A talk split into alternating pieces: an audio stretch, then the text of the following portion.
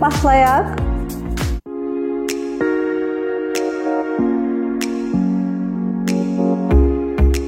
Salam, dəyərli izləyicilərimiz. Bu günlərim mən sizə şəxsən özümün 0 manatla biznesə necə başladığımı bildirəcəm. İlk öncə lap əvvələ getmək istəyirəm. Biraz özümdən danışım. Mən Muxtarova Aytən Yasin qızı 1988-ci ildə Bakı şəhərində anadan olmuşam. Orta məktəbi bitirdikdən sonra bir çoxlarımız kimi mən də ali e, məktəbə daxil olmuşam. Ali məktəbə daxil olduğum vaxtda çalışmağa başlayıram. Hətta deyərdim ki, ondan da daha əvvəl vaxtlardan çalışmağa başlayıram. Mütəmadi olaraq həm işləmişəm, həm oxumuşam. E, bir işdə işləməklə kifayətlənməmişəm. Deyim ki, işlədiyim zamanlarda Əgər dövlət idarəsində işləyirdimsə, bilirsiniz, standart vaxt saatları var. Standart vaxt saatlarından kənara çıxa bilmərik. Başqa vaxtda da ya səhərə, ya axşama iş salmaq mümkün deyil. Bunları düşünürdüm, daşınırdım və mən nə edə bilərdim? Bu sual haqqında fikirləşirdim və e, eləmək istəyən üçün bilirsiniz, e, mütəmadi olaraq yollar açılır və mən müxtəlif kataloqlardan satışlar etməyə başladım. Bu e, kosmetika kataloqları da var idi, bu geyim kataloqları da var idi. Bu hər birimizə tanış olan Türkiyənin və yaxud da bir xarici dövlətlərin hər hansı zat, necə deyim sizə, dəsmal falan belə kataloqlarından hamısından satışlar eləyirdim. Və bu müştərilərim də xanımlar idi. İşlədiyim yerdə bəxtim orada gətirmişdi ki, işlədiyim yerdə 2 otaq dolusu e, xanımlar var idi. Əhatəm xanımlarla dolu idi və beləliklə də mən e, işimdən əlavə hələ olduğum yerdə onlara da kataloqlardan sifarişlə e, malları gətizdirirdim. İlk öncə işlədiyim zamanlarda maaşım istəklərim, uyğularım, tələblərimlə uyğun gəlmirdi, uyğunlaşmırdı. Və buna əsasən də ikinci iş yeri, ikinci iş, əlavə gəlir, qazanc qazanmaq arzusu məndə həmişə olub. Qeyd üçün bildirmək istəyirəm ki, mən məktəbimi qiyabı deyil, əyani oxumuşam. Əyani oxuya-oxuya həm də işləmişəm. Bu çox çətin idi. Sağ olsunlar mənim direktorlarım mənə anladılar, mənə yol açdılar. Dedilər ki, biz sizə icazə veririk, sən həm oxu, həm işlə. Necə edirdim? Səhər tezdən işə gedirdim, işdə olan məsələləri həll edirdim. Daha sonra nahar vaxtı dərsə gedirdim. 2 dərs otururdum, 2 dərsdən sonra da təzədən işə gedirdim, işimi işləyirdim. Bu da hardasa çəkirdi saat 5-6-ya. 5-6-ya çəkəndə bizdə 2 smen iş vardı, həm də axşam smenimiz də vardı. Axşam smeninlə bərabər saat 8-ə 9-a kimi işdə qalırdım, işləyirdim. Sağ olsunlar, bir də qeyd etdiyim kimi iş yoldaşlarım da mənə çox böyük dəstək və köməkçi olublar. Dərsimi bitirdikdən sonra yanında əyləşənlərə baxdım və gördüm ki, 10 il burada çalışmaqlarına baxmayaraq heç bir perspektiv yoxdur, heç nə dəyişmir, hər bir şey olduğu kimidir. 10 il bundan qabaq necə idisə, bu gün də elədir. 10 il bundan sonra da bu belə olacaq. Hətta 10 il bundan qabaq belə olubsa, bundan sonra həddindən artıq daha da pis ola bilər. Heç bir perspektiv görmədiyimə görə işdən ayrılmaq qərarına gəldim. Yeni iş tapdım, danışdım müdirimlə, razılığını aldım, daha sonra işdən çıxmağa qərarına gəldim. Belə belə belə belə bu yaşa qədər 3 iş yeri dəyişmişəm. Sual oluna bilər ki, niyə görə siz az nəvacibdə, mən birinci işlədiyim yerdə 5 il işləmişəm. Niyə görə az nəvacibdə siz 5 il işləmisiniz? Bu günlərim hazırda biz özümüz belə əməkdaş işə cəlb etməkdə çətinlik çəkirik. Birdən-birə insanın bacarıq və qabiliyyətlərini bilmədiyimizə görə yüksək maaş təklif edə bilmirik. Gələn əməkdaşlara minimum maaşla başlayıb daha sonra qalxmaq imkanı olduğunu bildiririk. Qeyd üçün deyim ki, mən getdiyim yerdə belə bir imkan yox idi. Mən getdiyim yerdə stabil maaş idi, standart maaş idi. Bu maaşdan kənara sən çıxa bilməzdin. Bacarıq, biliyin, qabiliyyətin nə qədər üstündə olur olsun, çox az fərqlənə bilərdi, amma yəni çox fərqlənməyəcək. Yəni bu gözə çatmayacaqdı, qabarıq şəkildə olmayacaqdı. Bildirmək istəyirəm ki, 5 il müddətində orada qazandığım təcrübə, bacarıq, orada gördüyüm insanlar, ünsiyyət, rəftar, danışıq tərzi. Biz orada e, daha çox yazı yazmaqla məşğul idik, operator idik. E, yazı yazdığımız zaman bir neçə müxbirin yazılış qaydalarını, doğru, düzgün fikir ifadə etmə qaydalarını biz orada öyrənmişik. Mən bunu özümün həyatımda bir təcrübə kimi dəyərləndirirəm və nə qədər vəsait versəm belə mən bunları öyrənə bilməzdim. Heç gərək mən illərlə kitablar oxuyardım. Hərçənd oxuyuruq, bu heç öz yerində, amma yəni orada gördüklərimi mən heç yerdə qazana bilməyəcəydim və bu da mənim sonrakı iş həyatımda öz əksini, öz rolunu göstərdi. Bildirmək istəyirəm ki, iş yerlərinə getdiyimdə heç vaxt onların maaşları məni bir o qədər də cəlb eləməyib. Əsas maaş pul baxımından deyildi. Sözsüz ehtiyaclar olurdu həmişə. Bu başqa məsələ. Amma sırf işi əgər bəyənirdimsə, işim işlə məşğul olmaq, işi öyrənmək və bilirdim ki, mən öyrənməliyəm. Qarşımda yol uzundur.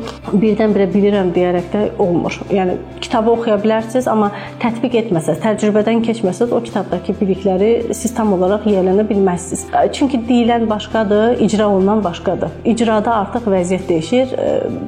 Bir çox məsələlər tamamilə başqa cür görsənir. Gördüyünüz kimi mən bir xanımam, həm də anayam. Gənc yaşlarında işləmə həvəsi, işə vaxt ayırma başqa cür olur, amma ailə qurduqdan sonra övladlar dünyaya gəldikdən sonra artıq bu vaxt dəyişir, həminki vaxtla üst-üstə düşmür. Həminki vaxtla üst-üstə düşməyəndə əvvəlki kollektiv səni onlar da özlərindən biraz yad bilirlər. İstər-istəməz vəziyyət dəyişir. Əvvəl gördüklərini insanlar daha sonra görmədiklərində xoşa gəlməz hallar belə ola bilər. Bunların hamısını nəzərə alaraq, bunların hamısını gözə alaraq, təmadi olaraq həyat yoldaşımın mənə stimul verməsi, necə ki, məsəl üçün mütəmadi olaraq bildirirdi ki, sən çox rahat iş qura bilərsən, idarəçilik eləyə bilərsən, sən çox rahatlıqla bunu apara bilərsən deməsi mənim özümə olan inamımı biraz da artırdı. Həqiqətən işə demək istəyirəm ki, heç bir vəsait yatırmadan, heç bir pullar yatırmadan işə başladım. İlk olaraq işə bir xanım cəlb etdim. Bir bacarıqlı, qabiliyyətli, danışığı gözəl, ünsiyyətdə super olan bir gözəl xanım işə dəvət etdim. İşə dəvət etdiyimdə ofis kirayə eləmədim. Bəxtim orada gətirmişdi ki, yoldaşımın ofisində onun üçün ayrıca bir masa ayırdım və o öz işini orada icra etməyə başladı. Sözsüz ki, telefon, kompüter və masa. Bildirmək istəyirəm ki, ilk ayından biz qazanc götürdük. Desəz necə olur bu? Biz bunu necə etdik? Misal üçün, biz bilirdik ki, bizdə satmaq alınır. Başqa sahələrdə çalışsam da, 10 il e, nəqliyyat sahəsində çalışdığım üçün müştərilərin e, necə cəlb etmək olduğunu, müştərilərlə düzgün danışıq formasında necə olduğunu bilirdim və e, xanıma bütün danışıqlarımı, bütün qaydaları, bütün işləri yönləndirmişdim. Biz sıfır deyildik. Uzun müddətli çalışdığımıza görə nəyi necə satacağımızı, kiminlə necə danışıq aparacağımızı, kimlərə nələri təklif edə biləcəyimizi işimizi tam rahatlıqla bilirdik. İşimiz turizm şirkətləri ilə, e, şirkətlərlə, adi şirkət dövlət idarələri ilə, adi şirkətlərlə, özəl sektorlarla, çalışanlarla, çalışmayanların tələbat tələb olunduğu bir e, sektor olduğuna görə işimizi çox asanlıqla, rahatlıqla hər kəsə ehtiyacı olan qədərində sata bilirdik. Bildirmək istəyirəm ki, şirkət ilk ayından xeyrə çıxdı və daha sonra 2-ci, 3-cü aylarından ofis kirayələdik və daha bir müddətdən sonra bir yeni xanım da işə cəlb etdik. İşimizin intensivliyinin əsas səbəbi bu idi ki, biz işimizi mütəmadi olaraq reklam edirdik. Necə reklam edirdiniz desəz, müxtəlif bunun üçün bilirsiniz, saytlar mövcuddur olur. Sosial şəbəkələr üzərindən çox böyük aktuallıq var idi. Bu gün də istifadə olunur bütün bu sosial şəbəkələrdən. Sadəcə biraz fərqlilik yaratmaqla, sadəcə biraz diqqət çəkməklə, standart deyil də qeyri-standart nələrsə etməyə cəhd etməklə yavaş-yavaş müştəri kütləsini özümüzə cəlb etməyə bacardıq. Cəlb etdiyimiz halda da satışımız həyata keçirilirdi, işlərimizi beləliklə yoluna qoyduq. Bu günləri mən iki şirkətin təsisçisi, bir şirkətin direktoruyam. Bu gün belə belə olsun, ilk gündə başladığımız kimi işlərimizi tam olaraq ə, e, intensiv, ardıcıl, düzgün məlumat yerləşdirmə, düzgün məlumat ötürmə ə, e, qaydası ilə həyata keçirdirik. İstər istehsal sahəsində, istər xidmət sahəsində insanlar satmaq istəyir, alıcılar isə bəziləri almaq istəyir, bəzilərinin isə satanların onları aldatdığını düşünərəkdən aqressiv yanaşa bilirlər. Biz belə yanaşmırıq. Necə ki, Biz bu sferaya belə yanaşmırıq. Düzdür. Biz məhsulumuzu satmaq istəyirik. Satmasaq e, bizim də işlərimiz tam olaraq qaydasında getməz. Amma əgər alıcıya biz bunu düzgün olaraq çatdırmırıqsa, o bunu almaqdan imtina eləyəcək. Və yaxud da bu alıcıya lazım deyilsə, biz bunu onun lazımlı hala gətiririksə,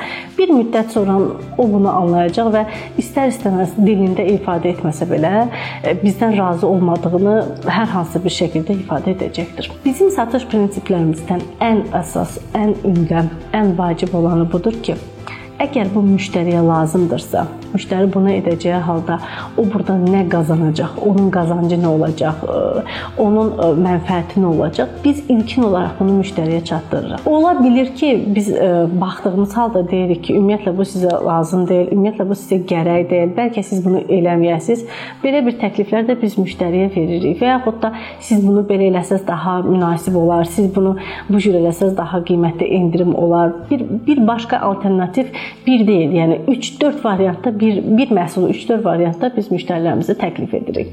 Belə olduğu halda o bizim səmimiliyimizə, o bizim həqiqətən də bu məhsulun ona nə qədər yararlı olduğuna, yalnız gözəllik üçün, lazım olduğu üçün deyil də, həqiqətən nə qədər onun işinə yarayacağını görür və bundan sonra o bizlə əməkdaşlıq etmək istəyir. Bilirsiniz ki, ən asan satış ikinci bir müştəriyə, təkrar müştəriyə ikinci məhsulun satışıdır və biz buna demək istəyirəm ki, nail olmuşuq. Bizimlə çalışan şirkətlər bizimlə mütəmadi olaraq əməkdaşlıq edirlər. Bu da bizim onlara yaratdığımız rahatlıqdan və komfortdan irəli gəlir. Bunu sizinlə ona görə bölüşürəm ki, müştərilərə belə deyim, xidmət göstəririksə, biz o xidmətin içinə nələr daxildirsə, gərək hamısını e, icra eləyək. Ta ki, bütün işlər icra olunana qədər müştərinin zamanı bu tam olaraq hazır çatmalıdır. Yoxsa müştəri bir işə bir zaman ayırırsa, bilirsiniz ki, indi zaman ayırmaq çox çətindir. Hər bir məsələyə xırda-xırda zaman ayırdıqda insanın e, digər işlərinə vaxtı çatmır. Ona görə müştəri konkret bir şey istəyirsə, o bilməsə də belə siz peşəkarsınızsa, siz bilirsiniz ki,